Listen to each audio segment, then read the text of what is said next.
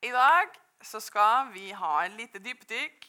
Eller kanskje ikke så veldig dypdykk. Fridykk, kan vi si. Du får ikke tank i dag, bare lite dykk.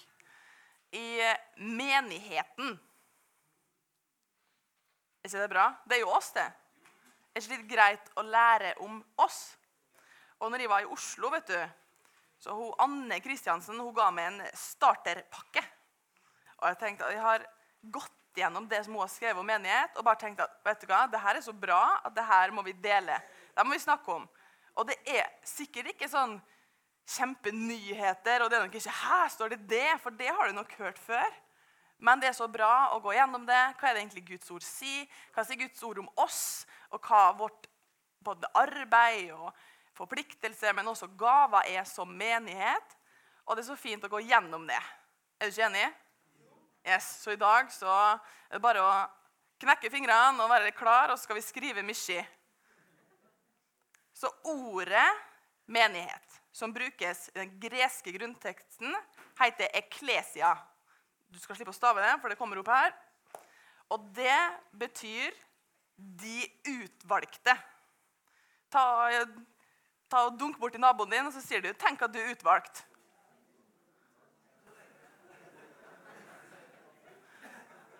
Og den utvalgte, det er alle som har sagt ja til den invitasjonen som Jesus ga på korset. Den invitasjonen inn i Guds fellesskap, inn i et fellesskap med andre, i å kjenne Gud, i å kunne bli kjent med Gud mer og mer gjennom hans tekst, gjennom hans personlighet, hva han gjør i livet vårt. Bare det at dem som har sagt ja, vet du hva, jeg tror på det her, jeg tror på Jesus, jeg har lyst til å leve for det her, det er dem som er de utvalgte.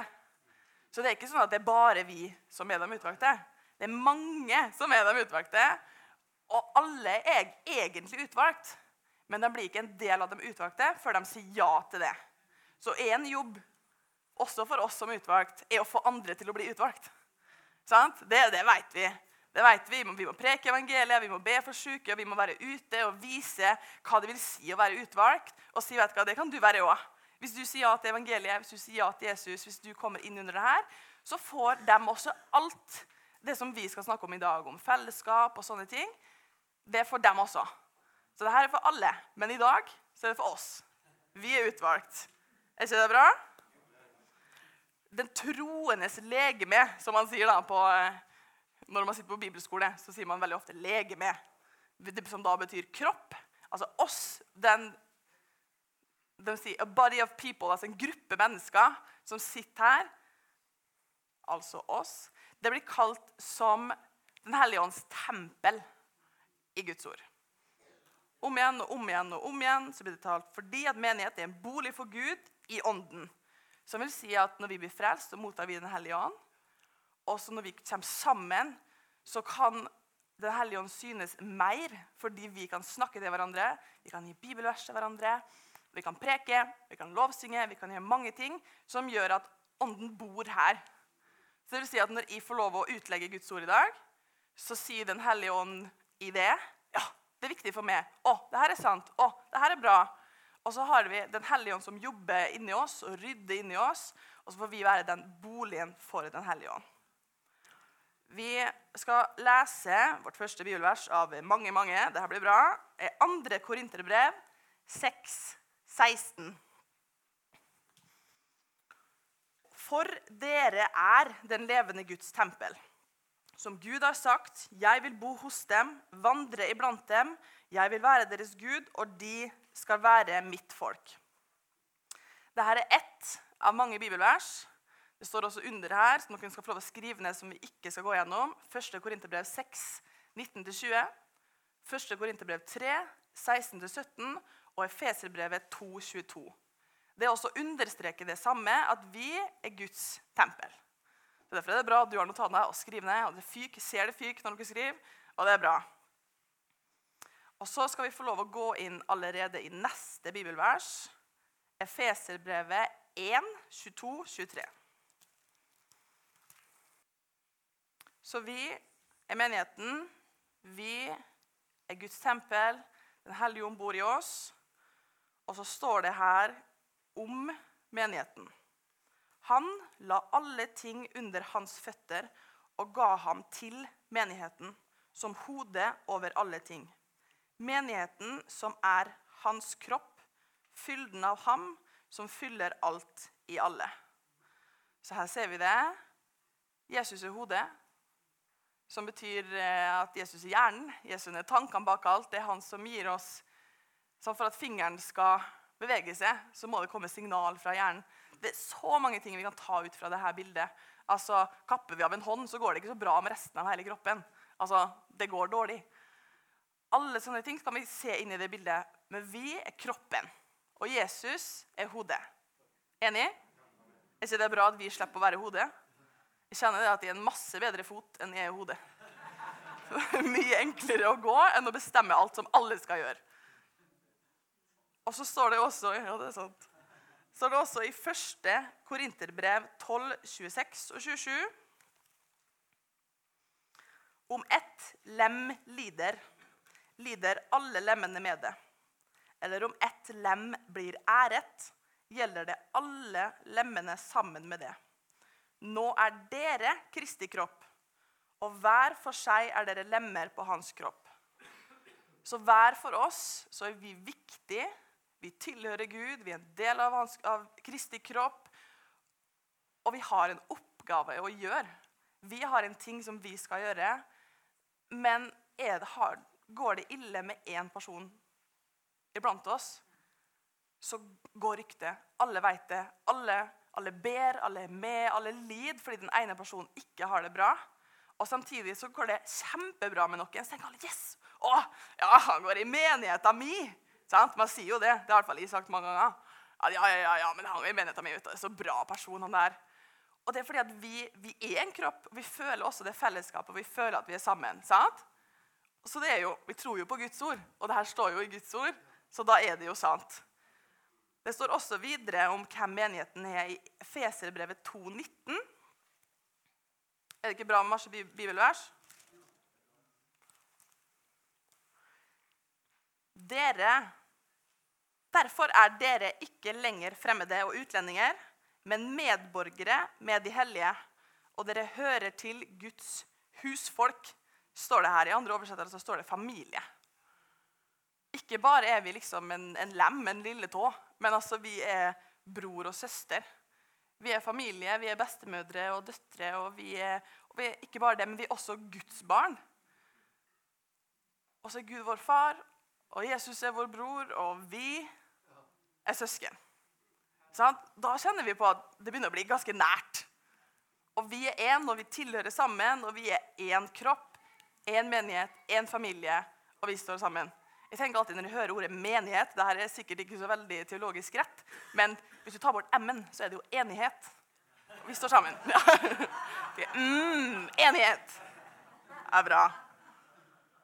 Og det var det på en måte det lille grunnlaget som jeg har lyst til å legge i hva menigheten er. Sant? Her er vi sammen. Guds kropp, familie. Vi er. Og så skal vi gå inn i hovedteksten for i dag, som er, har ligget på mitt hjerte siden nyttår. Og jeg har tenkt at eh, hva trenger vi egentlig å bli påminnet på, vi som menighet? Da har det bibelverset her kommet om igjen og om igjen og om igjen. Og det er andre korintene, ikke det. Det er Apostelgjerningene 2, 42.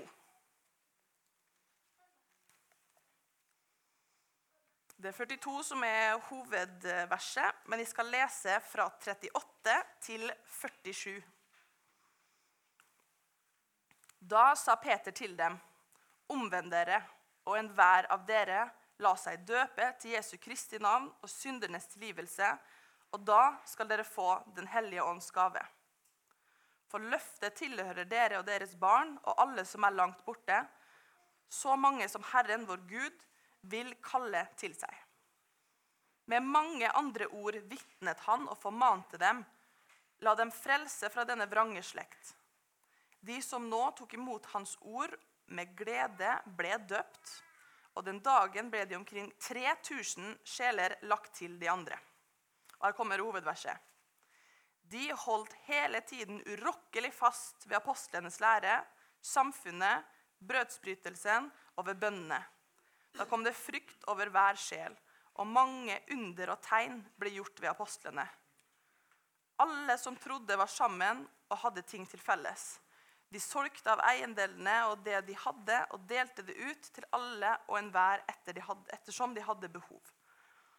De holdt seg daglig med samstemt sinn i tempelet, og de brøt brødet i hjemmene, de spiste sin mat med glede og hjertets oppriktighet, og hele tiden lovet de Gud og hadde velvilje hos hele folket. Daglig la Herren til dem som ble frelst, til menigheten. Til Guds folk, til Guds familie, til Kristi kropp. Ta tygg på det, det bibelstedet her litt. Hvor mange ting er det ikke som skjer her? Altså Først så begynner det jo med at Peter preker. Peter går ut og preker evangeliet, som gjør at folk faktisk får lov å ta en del i menigheten fordi at de vet om det. Før det så kanskje de ikke hadde peiling, kanskje de har hørt litt ja, det var en sånn fyr som døde på korset, nå er det litt styr. Kanskje de har hørt om det, men det måtte komme til det stedet der de hørte det. Det her er det dere må gjøre. Omvend dere, la dere døpe, bli med oss. Og de tok imot det med glede. Yes, det her, det her er det vi har venta på. Det her er det profetene har talt om i mange tusenvis av år. Det her er det vi har, vi har hørt om, men vi ikke helt skjønt. Det her er mannen som har gått rundt og helbreda syke og vært blant oss. Omvend dere og la dere døpe til Jesu Kristi navn, til syndenes tilgivelse. Så skal dere få Den hellige ånds gave. Alt ble. Plutselig så ble de her Den hellige ånds tempel. sant? Og han vitna med mange andre ord. Kom og bli frelst. Kom og ta imot. Kom og være en del. Kom og være med oss. Og 3000 ble lagt til de andre den dagen. Og da, etter alt det her, at det skjer kjempemange ting her Det skjer preking og mirakler, og folk blir helbreda, og de, de bryter brød, og de spiser sammen, nattverd, frelse Masse masse ting som skjer i det. Det er jo, Hvor mange setninger er det? 20 setninger? Så mange ting som skjer. Og så sikkert ikke så veldig kort tid, men kort tid i Bibelen i hvert fall. Og da tenker jeg at, og så er det jo heller ikke en tidslinje. Det er liksom ikke, Da preka de en gang, og etter det så ble de døpt, og så lot de seg frelse, så ble de seg fylt, og så begynte de å få lære, og så begynte de å be, og så liksom, når de gikk videre på neste ting, så slutta de å be, og gikk videre og gikk videre. og gikk videre. Men de holdt seg til det her. Det var som en sirkel som gikk rundt og rundt. og rundt og rundt og rundt. og rundt. For de fortsatte å møtes. De fortsatte å komme tirsdag halv sju på bønnemøte. De fortsatte å komme på søndager. De fortsatte å invitere venner på middag. De fortsatte å å, den personen er ny, vi må ta med inn i fellesskapet. Og de fortsatte og fortsatte og fortsatte. Og sånn skal det være med oss òg. Og det kjenner jeg hele det verset her. er sånn Og så fortsetter de, og flere folk var lagt til, og Gud la til. Fordi de var bare trofast. De gjorde det de kjente de skulle gjøre. De holdt urokkelig fast. Hva er egentlig urokkelig fast? Hvis du skal holde urokkelig fast, så må det jo bli rokka litt. da. Sant? Det må jo være litt kamp, det må jo være litt imot. Hvis du faktisk skal holde fast på noe. Og de holdt fast på læren, altså det som kom ut. Det som predikanten sier her, det som man kan snakke mellom hverandre når vi snakker om Guds ord. Kanskje vi deler vitnesbyrd og sånn. Vi holder fast på det. Yes. Dette må vi holde fast på urokkelig.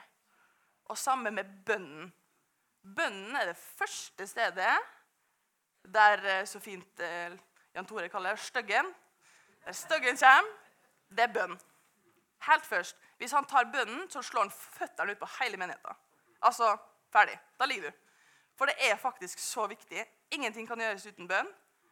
Du får det til så vidt i din egen styrke, og så blir du utslitt, så blir du utbrent. og Så må du ha to år med restitusjon, og så kommer du tilbake og så begynner du igjen. Men hvis alt får lov å være i bønn, alt gjør, hver dag du står opp, bruker tid med Gud, leser i Bibelen, hver dag du skal i menigheten å Gud, bruk meg til å, til å møte vennene mine i dag. Bruk meg til å gi, til å oppgløde dem som er her. Bruk meg til det. Bønn hver dag. Når de skal preke, Gud, hva vil du at de skal si? Hjelp meg å si det. Sant? Det er fra den dagen de begynner å planlegge, til sekundet de står her. Så er man i bønn. Å, Gud, hjelp meg. Vet du hva? Jeg vet ikke hva jeg skal si. Du må hjelpe meg uansett om man har fem sider som er skrevet ned. Uten bønnen så kan det være tomt. Gud er nådig, og Gud gir styrke uansett hvis man ikke har tid. og sånn, Men det er noe spesielt med det når ting er forberedt i bønn. Og samme med menigheten. Vi må be. Ikke bare alene. Sammen. Ja, det er bra. Skal vi se Og så, mens det her skjedde, og folk ble tillagt menigheten, så var de jo veldig klar på hva de måtte gjøre. De måtte lære. ikke sant? Og Da ser vi på Efeserbrevet 4, 11 og 13. Dette er jo da de tjenestene som Gud har satt inn i menigheten.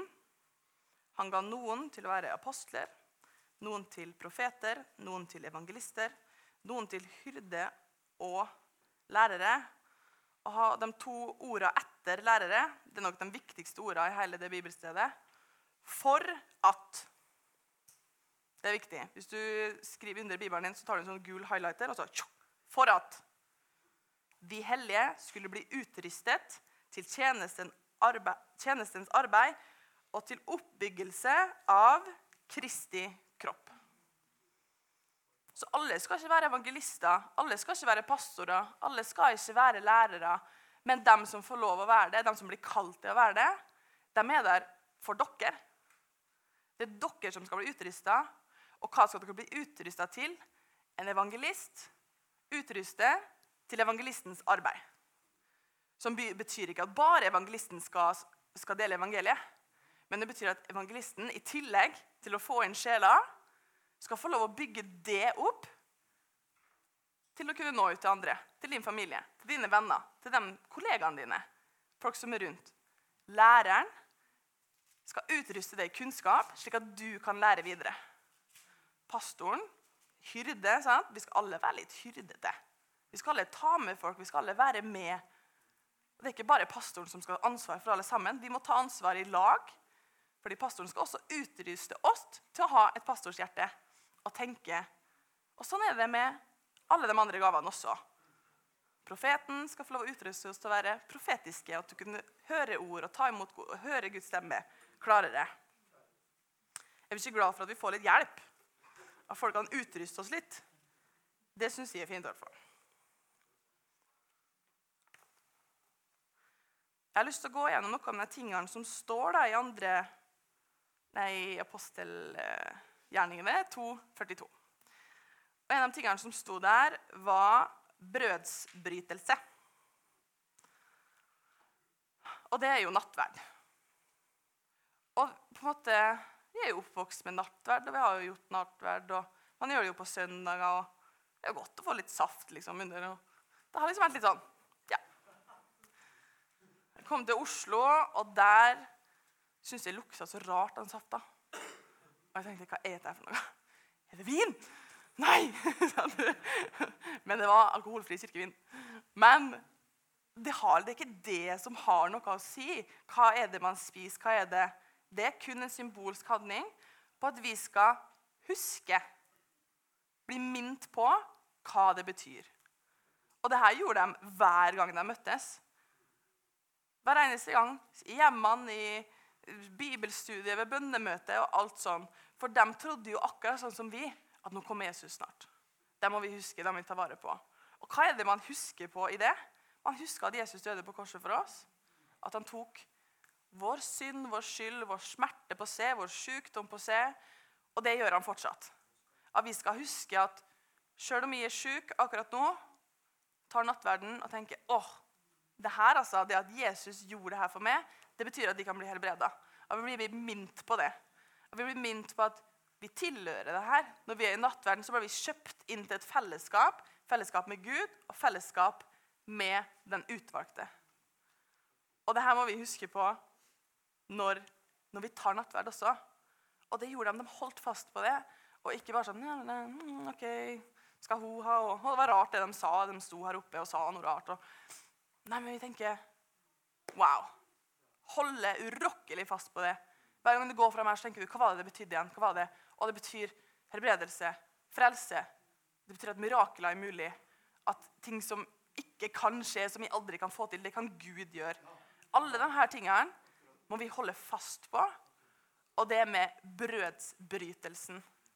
Som du ser her, så står den innstiftelsen i Lukas 22, 17-20. Det kan du skrive ned, det skal vi ikke lese gjennom. Og Det er den som vi leser hver gang. Dette er Kristi kropp. Dette er Kristi blod. Og det, det er det vi trenger. Altså, Vi trenger å huske det. I alt som vi skal, i hver eneste bønnesvar du skal ha. Om det er så Gud be om vi skal få en god parkeringsplass. Eller om det er Gud, jeg trenger helbredelse. Gud, jeg trenger økonomisk mirakel. Alle bønner er kun mulig fordi Jesus døde på korset. Fordi vi ble kjøpt inn, for vi tilhørte ikke Guds folk før Jesus døde. Når Jesus døde, da fikk vi tilhøre Guds folk, og da kom vi inn under de samme løftene som står her. Sant? Det første var apostlenes lære. Her er den. Her er apostlenes lære. De hadde ikke det nedskrevet, så de kunne ikke enda i hvert fall, da, så kunne de ikke gå gjennom ordet og se hva som sto. De kunne ikke lese, de kunne ikke gruble, de kunne ikke spørre Helligånd, vis meg hva det betyr. De måtte møtes og motta den læren. Og nå er vi så heldige at vi kan få den læren hjemme på stua. Hjemme på senga til meg, om det er det første du gjør du åpner opp, så kan du få den hjemme. Og så har du Den hellige ånds samfunn, for vi er Den hellige ånds tempel, som lærer det, som er med det. Ja, vi trenger fellesskapet, men vi trenger også å gjøre det alene. Å holde fast på apostlenes lære, evangeliene, alt som ligger før. Gammeltestamentet det viser bare hvor fantastisk Nytestamentet er. Der ser man alle løftene som ble gitt, er svart på i Nytestamentet. Og det er fantastisk når du har begynt å lese det. Så fortsett med det. Hold fast på det. Neste som står eh, der, er samfunn. Og jeg tenker litt sånn der, samfunns... Jeg tenker egentlig bare skole. da. Samfunnsfag, tenker jeg. Men det gjør vi jo ikke. Så samfunn med de troende er livsviktig. For at Jeg har tenkt på det her, liksom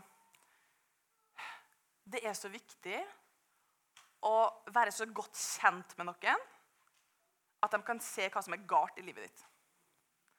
Hvis du stenger det inne, hvis du holder det hjemme hver gang noe er galt, vondt, er trist, så blir du ikke kvitt det.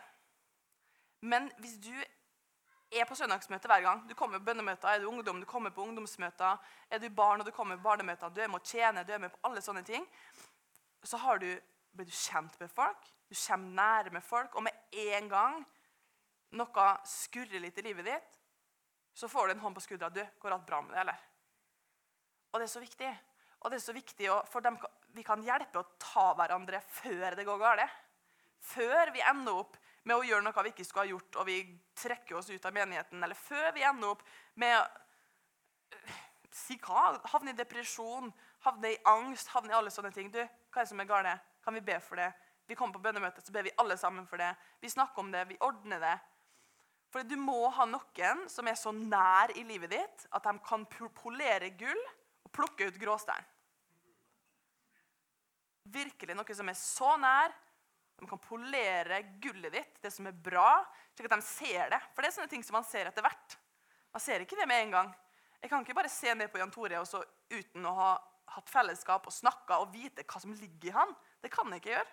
Da kan jeg ikke hjelpe til å polere det gullet. Og jeg kan heller ikke se de småtinga som må justeres. De småtinga som Det står faktisk ikke i Bibelen, det der, Jan Tore. Kanskje du skal sjekke? Sant? Det er viktig. Kjempeviktig. Og det, det, er kanskje en dyp samtale, det. At man skal komme så nært at man klarer å plukke gråstein. Og det skjer av at vi er sammen, faktisk. At vi kommer hver søndag. Er det utfordrende? Av og til. Burde vi gjøre det? Ja. Når jeg begynte den menigheten her for eh, fem år siden, kanskje fem-seks, så var jeg litt sånn derre Ikke egentlig kristen.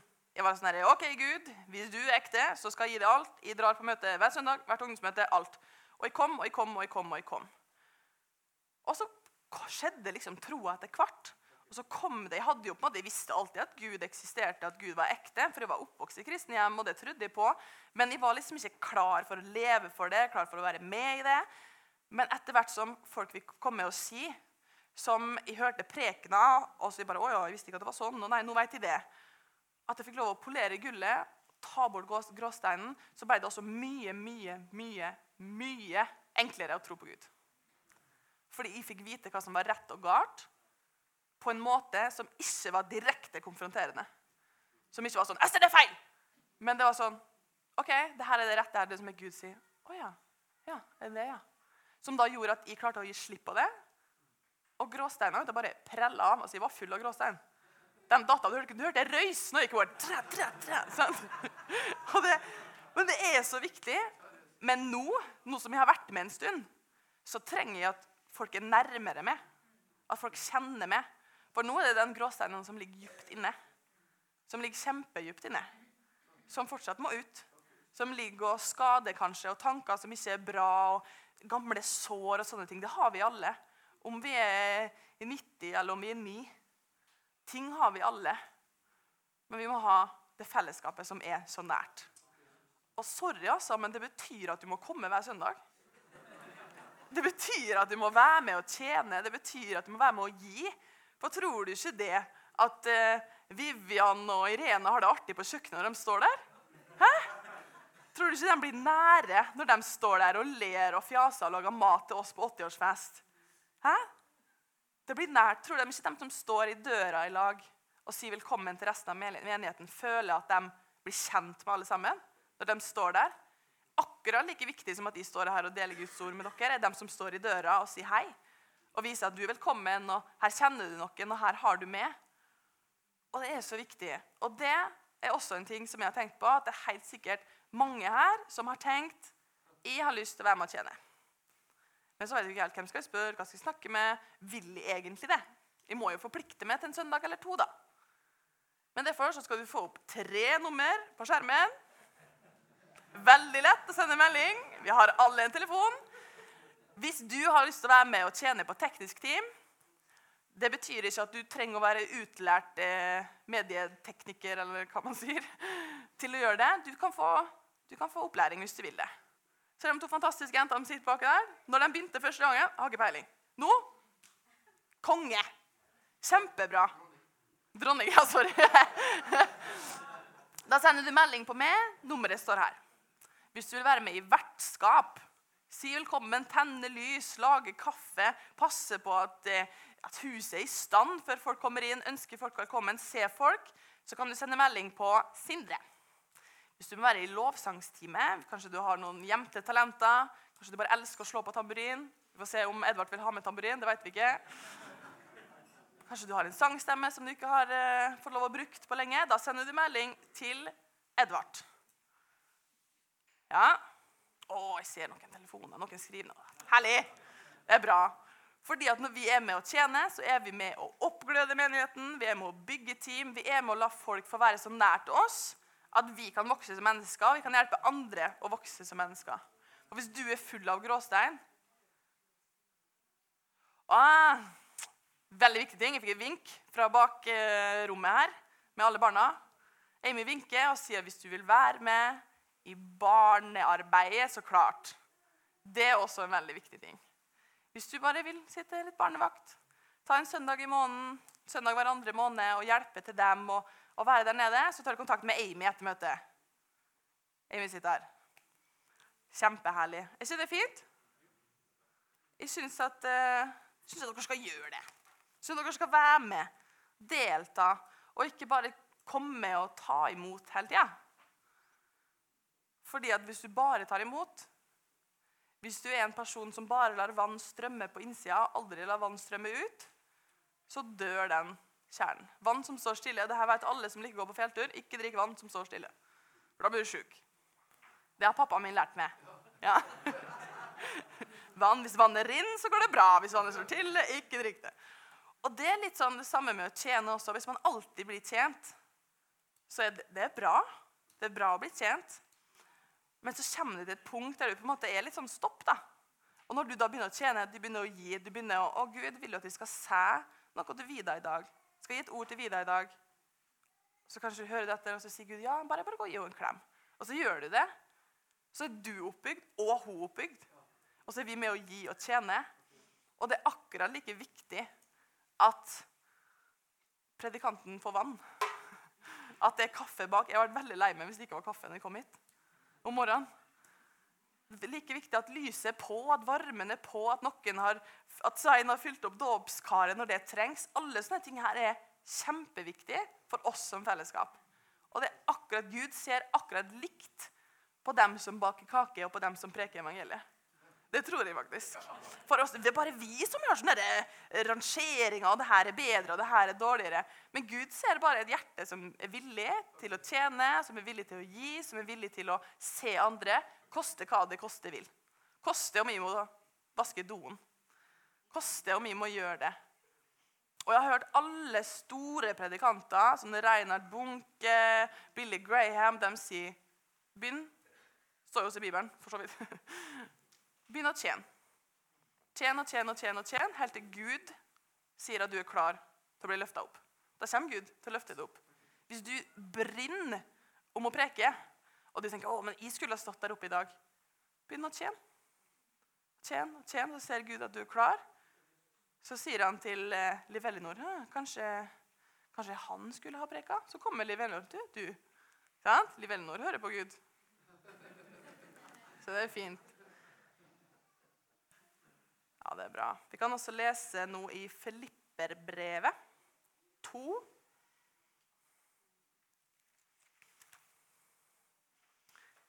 To, én til sju.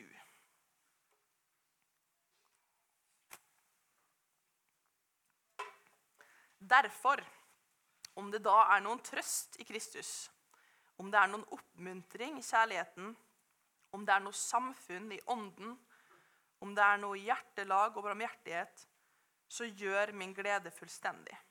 Ved å ha det samme sinnelag og den samme kjærlighet, og være ett i sjel og ha det samme sinn.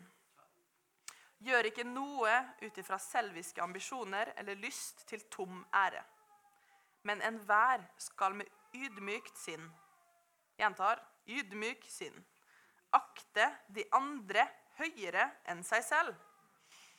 Ingen av dere må bare trakte etter det som er best for dere selv, men også etter det som gagner andre. La dette sinn være i dere som også var i Kristus Jesus. Han som, som da han var Guds skikkelse, ikke holdt det tilranet gode å være lik Gud. Men han uttømte seg selv. Det betyr at han avsto fra å bruke sine guddommelige egenskaper. Uttømte seg sjøl, tok på en tjeners skikkelse og kom i menneskes likhet. Ja, Vi hører det hele tida at vi skal bli mer og mer lik Gud, mer og mer lik Jesus.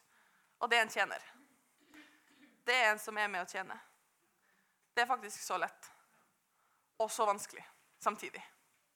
Å være med å tjene, være med å gi, være med å bidra. Og hvis vi skal ha det her som det står i vers 2 Samme sinnelag, samme kjærlighet, ett i sjel og samme sinn. Da må vi bruke tid sammen. Da må vi høre samme lære, være på samme ting, ikke gå glipp av det som skjer. Få høre de samme prekenene, være på samme bønnemøte. Det er mye som skjer på bønnemøtet som man ikke får med seg. For det er der Gud jobber også i oss. Og da får vi lov å være i samme sinn og sjel og kjærlighet til hverandre. Vi skal få lov eh, å gå eh, videre på bønn. Og Da er det et bibelvers som vi på en måte egentlig aldri har helt forstått. Kanskje ikke aldri har helt tenkt over. Og det er 1. Timoteus 3, 15 16.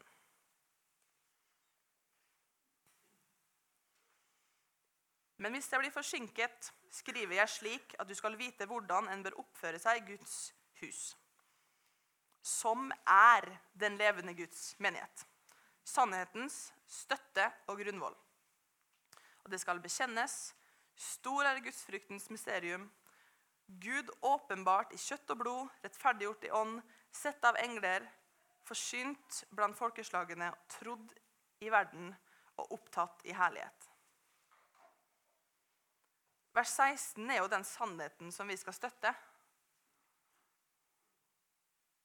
Man kunne bytta det ut og liksom sagt 'Jesus'.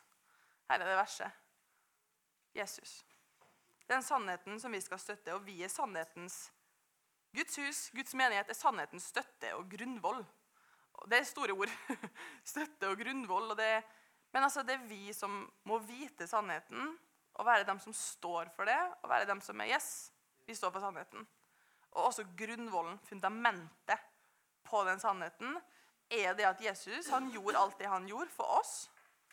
Og nå kan vi få lov å leve i det, og leve i den sannheten og leve i den velsignelsene og gavene det betyr. Og så har da vi, som er sannhetens støtte og grunnvoll, masse masse, masse viktige oppgaver som vi må gjøre. Og Siden vi nå da inne på bønn, så går vi da bare litt over på, neste, på forrige side. 1. Timoteus 2, 1-4.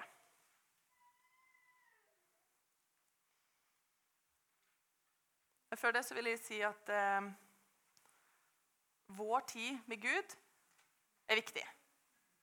Å be hjemme. Som vi snakka om i stad. Gå gjennom apostlenes lære. Bibelen, evangeliet, hjemme. Og virkelig få ha det hjemme. For der er også en plass der eh, styggen prøver å ta kontroll. Det var litt artig film på TV nå, da. Du er litt trøtt, da. Du er litt Nei, vi tar det seinere. Jeg må spise litt i stedet. Kan ikke gjøre det samtidig. Jo, du kan lese Bibelen og spise samtidig. Det går. Jeg har prøvd. Og det, det, er en kamp altså, daglig, for min del i hvert fall. Jeg prøver egentlig hver morgen, men det skjer sjelden. Jeg blir altfor trøtt om morgenen, og så må jeg ta det igjen senere på dagen. Men jeg prøver å passe på at hver dag skal jeg bruke tid med Gud. Fordi at du må ha mat åndelig. Det er så farlig. Altså, hvis du ikke bruker tid med Gud, aldri kommer på møte, aldri leser, aldri ber, så dør ditt åndelige menneske. Kanskje ikke helt dør, men han blir sånn, der, sånn svak, han sitter i hjørnet og bare sånn her. Og liksom ikke har noe Se for dere liksom Ringenes herre, se for dere Gollum. Sånn her. Og alt han egentlig vil ha, han vil bare My precious, det er Bibelen, da. My precious, sant? Han vil bare ha Guds ord. Og den vi vil jo ikke ha det. Vi vil jo ikke ha den skapningen sitte langt inn i mørket inni oss. Vi vil jo ha det levende, store, sterke, åndelige mennesket som bærer oss, som bærer vårt fysiske, som bærer våre følelser, som bærer vårt, vår syke. Det er jo det vi vil ha. Men da må vi faktisk fòre det mennesket. Og det mennesket, det indre mennesket, det lever på Guds ord. På sannheten. Og Menigheten er sannhetens støtte og grunnvoll. Så hvis du har det vanskelig, og du ikke klarer å bruke tida med, så kan du komme hit og få sannhet og få mat. Så har du mer styrke til å begynne igjen på mandag og bruke det hjemme. Og det er ikke sånn at det er en lov. Gud han har frelst deg lell om du ikke har lest Bibelen. Men du trenger det. Du trenger å leve på det. Du trenger å bli fora på det. Jeg trenger å vite hva jeg veit. Og det logisk. Fordi at Hvis Edvard spør meg et spørsmål, så kan jeg svare på det. Det er jo kjempekjedelig å ikke kunne svare på det. Jeg får lov å prate litt om min far. Ikke sikkert han syns det er greit, men vi får se etterpå.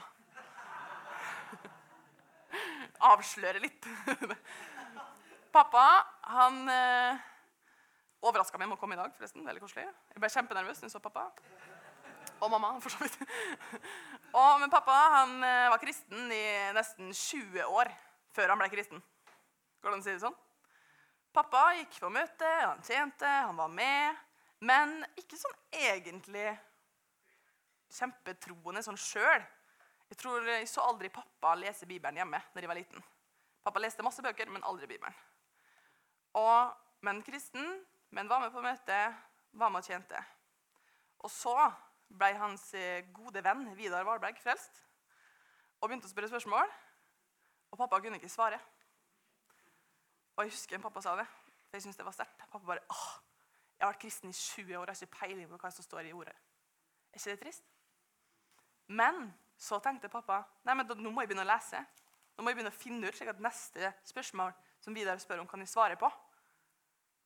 Og da ble pappa frelst på ekte. For da så han alt, eller sannheten, allting for seg sjøl. Utallige prekener pappa har hørt i løpet av det året. Konferanser, møter og tjent og vært med og gjort det som Det må vi gjøre. Ja, det skal vi gjøre. det. Vært med. Men når det ble personlig, når han fikk gjøre det sjøl, da ble pappa ordentlig kristen. Nå slutta ikke pappa å snakke om Bibelen. Og det er bra. Det er bra for oss andre. Og alt pappa snakker om, det er å, vi skal preke om det, og så skal vi dit, og så skal vi dit, og vi skal tjene dem og hjelpe dem. Og det er fantastisk å se.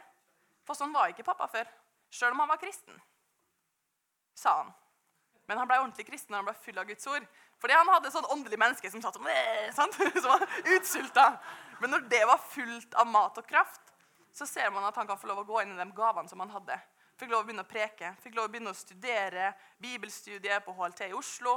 Få lov å begynne å virkelig gå inn i det som man sikkert kunne ha gått inn i for 20 år siden.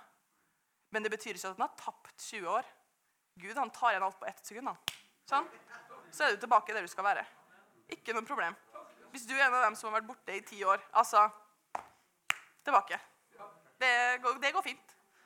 Bare snakk med pappa hvis du trenger, hvis du trenger mer om det. Nå kan vi lese her. Sant? Så personlig, Men det er også viktig å be sammen. Første Timoteus brev 2, 1-4. Derfor formaner jeg først av alt Først av alt. Først av alt.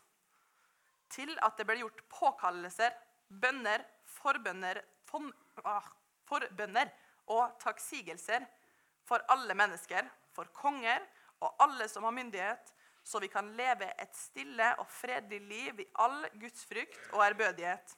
For dette er godt og velbehagelig for Gud, vår frelser.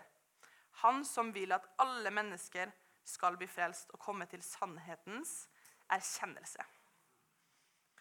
Altså, her har vi Det er mange bønnemøter, altså. Bare det her verset. For alle mennesker, alle konger, alle myndigheter. Alt for at vi skal kunne leve i fred og ro i landet vårt og i alle andre land. Og, og for at alle skal få lov å komme til sannhet og sannhetserkjennelse og bli frelst. Altså, det er masse bønner. Og det her er liksom på en måte bare en brøkdel av det vi ber om. Men først av alt at vi skal be for andre, står det egentlig her. Og så står det ikke glem dem som er konger. Ikke glem dem som er Ikke bare familien din, ikke bare barnebarnet ditt, men alle. Alle, alle, alle. alle. Uansett rang, uansett stor, uansett liten, gammel, ung.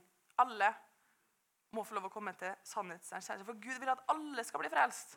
Gud vil at alle skal få lov å komme hjem til Han. Gud vil at alle skal være i det fellesskapet vårt, som skal tilhøre de utvalgte, som skal være Kristi kropp, Den hellige ånds tempel. At alle skal få lov å være en del av det. Men da må vi be.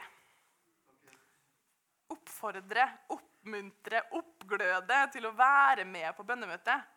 Altså, når jeg først eh, begynte her, da var det bønnemøte nede. Og da var det egentlig mange som jeg egentlig ikke kjente. For det var liksom folk som kom bare fra bønnemøtet.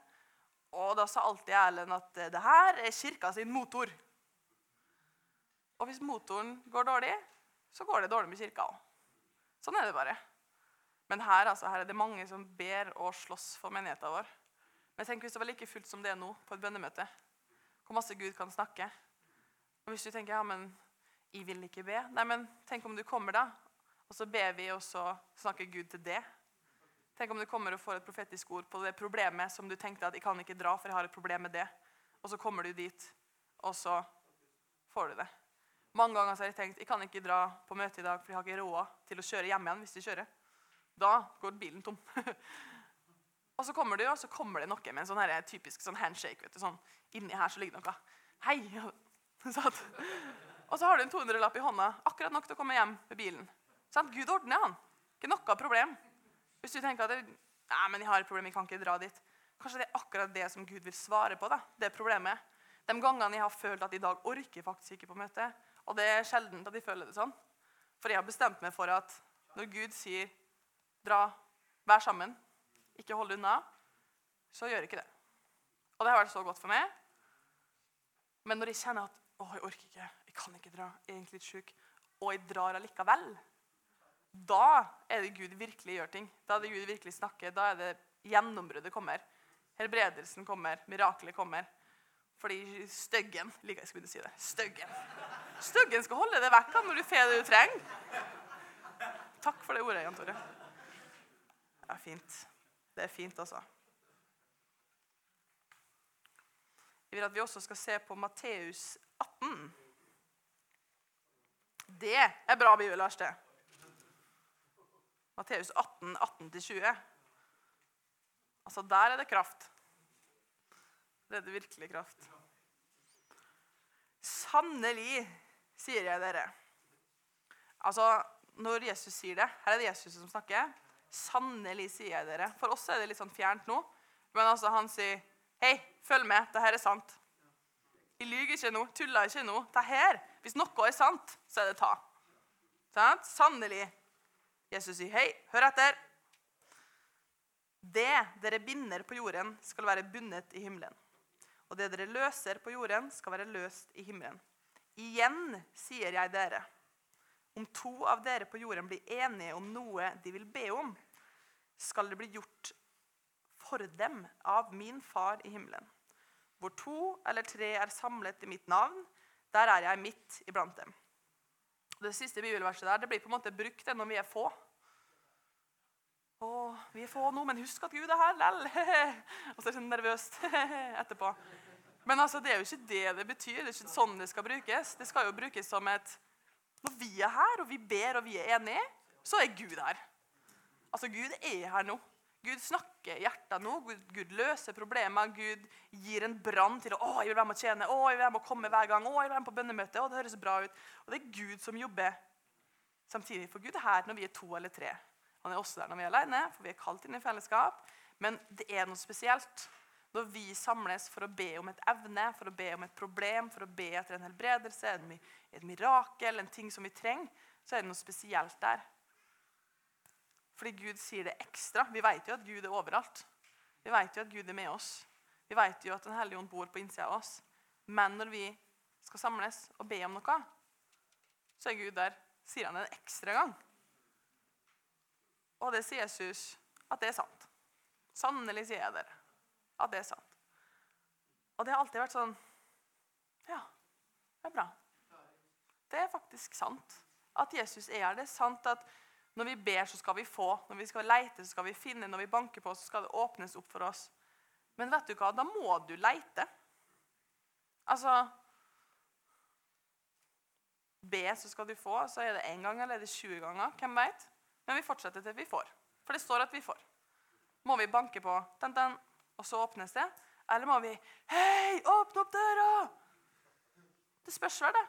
Spørs hva vi står opp imot. Spørs hvor stor døra er. Spørs hvor mange det trengs for å åpne den døra. Men det skal åpnes opp. Leit, så skal vi finne. altså Det spørs det, hvor lang tid det tar. Om det er om det er liksom stolen du skal finne, eller om det er er under en annen stol. Det spørs, det. Og er vi flere som leter, så finner vi fortere. Altså, Det er ganske logisk. Yes, Jeg syns vi var smart der. Yes. Ja, det Ja på en måte hele, hele det verset da, i apostelgjerningene 2.42 er jo på en måte oppskrifta på hvordan en menighet skal oppføre seg. Hold urokkelig fast på læra.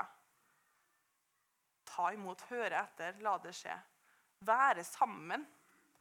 Videre i det verset som eh, Jan Tore leste i stad, som var veldig fint Vi var veldig glad når vi hadde samme vers. I Hebreverbrevet 10 så leste han 24, og jeg hadde tenkt å lese 25. For han leste 'Å, la oss tenke på hverandre for å oppgløde til kjærlighet og gode gjerninger'. Men så står det òg som en liten oppsummering på min, min, min, preken, og som en liten bekreftelse på Jan Tores innledning, i vers 25. La oss ikke svikte vår egen forsamling noen andre 88-oversettelsen for eksempel, sier 'hold dere ikke borte fra forsamlingen'. Slik noen har for vane. Men la oss formane hverandre. Formane vet du, det er å polere gull og plukke gråstein. Og det så mye mer som dere ser at dagen nærmer seg. Jo mer vi ser så er det fødselsriene som Jesus snakka om, at eh, det går dårligere og dårligere. Altså jordskjelv og krig og kan man nevne abortlov og alle sånne ting. Jo verre og verre det blir, jo viktigere og viktigere er det å stå sammen, jo viktigere og viktigere er det å be, jo viktigere er det å få trappa inn sannheten i hodet. Altså, Hva er det som er sant? Hva er det som Den. Ferdig. Og er det ikke lite informasjon inni her? Sikkert alt du trenger svar på. Der. Enkelt å gjøre. I den engelske versjonen så står det i det bibelverset 'ikke gi opp å møtes'. Ikke gi opp å møte hverandre. Kanskje det er noen som eh, du har gitt opp å invitere med fordi at de sa nei 20 ganger. Altså, Da inviterer vi gang 21. Vi inviterer fortsatt. Tar det tre år før de kommer, så inviterer vi. Kanskje vi skal dra på hjemmebesøk. Møtes hjemme. Det sto jo også videre i apostelgjerningene 2. De møttes hjemme, de spiste middag sammen, de hadde fellesskap. Og det er også viktig. Hvis du trenger å være med i en life-gruppe, så er det bare å si fra. Vi kobler det der. Så får du møtes. Uansett alder og uansett hvor du bor, så ordner vi det. Fellesskap er viktig. Kjempeviktig. Ikke gi opp å møtes. Ikke svikte forsamlinga. Ikke holde det unna når forsamlinga møtes. Altså det er tre versjoner av samme setning. Det betyr det samme. Det er viktig for det å være her. Ikke fordi at vi vil ha full kirke, men fordi at jo nærmere dagen kommer, når Jesus kommer tilbake, så viktigere og viktigere er det å være sammen, få sannheten, få bønnen og få alt det her. Herre, vi takker deg for menigheten vår. Takker deg for alle som er her. Jeg ber om at eh, mange av de ordene som har blitt sagt i dag, skal få lov å prente seg inn i hodet til folk. De skal kjenne at 'Å, jeg har lyst til å komme på bønnemøte'. 'Å, jeg har lyst til å komme på søndagsmøte'. 'Jeg har lyst til å være med'. Jeg vil være med å tjene, jeg vil være life-gruppe. At vi skal få lov å være et fellesskap som virkelig bidrar til at andre har det godt. Som oppgleder hverandre, som bygger fellesskap. At vi kan få lov å være så nær hverandre at vi berører hjertet, Herre. Priser deg, Herre. Hjelp oss å være venner. Hjelp oss å se hverandre for den vi er. Hjelp oss å se til hverandre med nåde. Hjelp oss å oppmuntre hverandre, Herre. Men vi trenger din kraft, vi trenger din ånd. Vi trenger korreksjon fra det, Hellige Ånd, og vi trenger oppmuntring fra det. Vi priser deg, Herre. Vi velsigner hele menigheten vår, alle som er her, alle som ikke har vært her, Herre. Priser deg for at vi er ett fellesskap, for at vi er din kropp, ditt tempel, for at du bruker oss, Herre. Takk, Jesus, for at du er du. Takk for at du betalte for den prisen. Du betalte den prisen for at vi skal kunne få være i fellesskap med det og i fellesskap med hverandre, Herre. På en måte som bare du kan legge inn i oss, Hellige Ånd. I Jesu navn. Amen, Herre.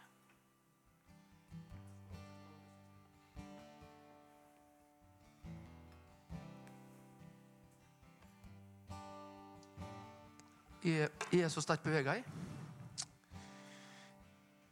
Og Ester kan um, hun, Bare vent. Hun kan, hun kan fortjene en applaus. Det er ikke det. Men vent litt nå. Men hva med det som egentlig er applausen verdig? Hva med det som egentlig? Det er fint det at vi både klapper og gir hverandre gode ord.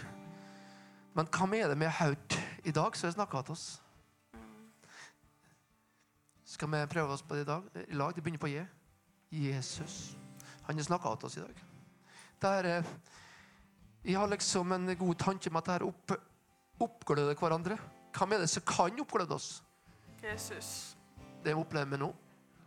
Let, nei, her eh, Nå kan ikke jeg være liksom, fasit på alt, men jeg kan si det, Ester. Jeg har hørt mye rundt dette temaet, her, men jeg har aldri hørt et litt konsentrert sammendrag. Og det er intet å anmerke. Det er fantastisk. Det er voldsomt. Så Gud bruker det til å lære oss hva Jesus har sagt, sier til oss.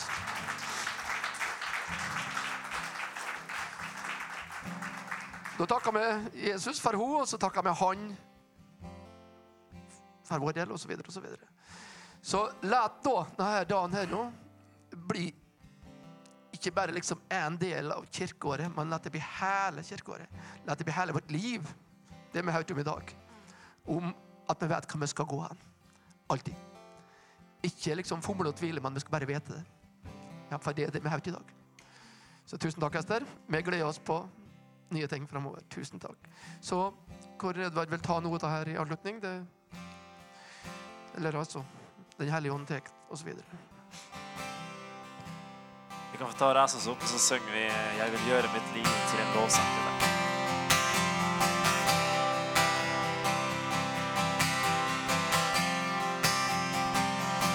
Jeg vil gi deg, o Herre, min lovsang. Jeg vil takke deg med mine ord. For din nåde som er uten grenser. For din godhet og kjærlighet stor. For jeg vil gjøre mitt liv til en lovsang til deg. La hver tone en hyllest til deg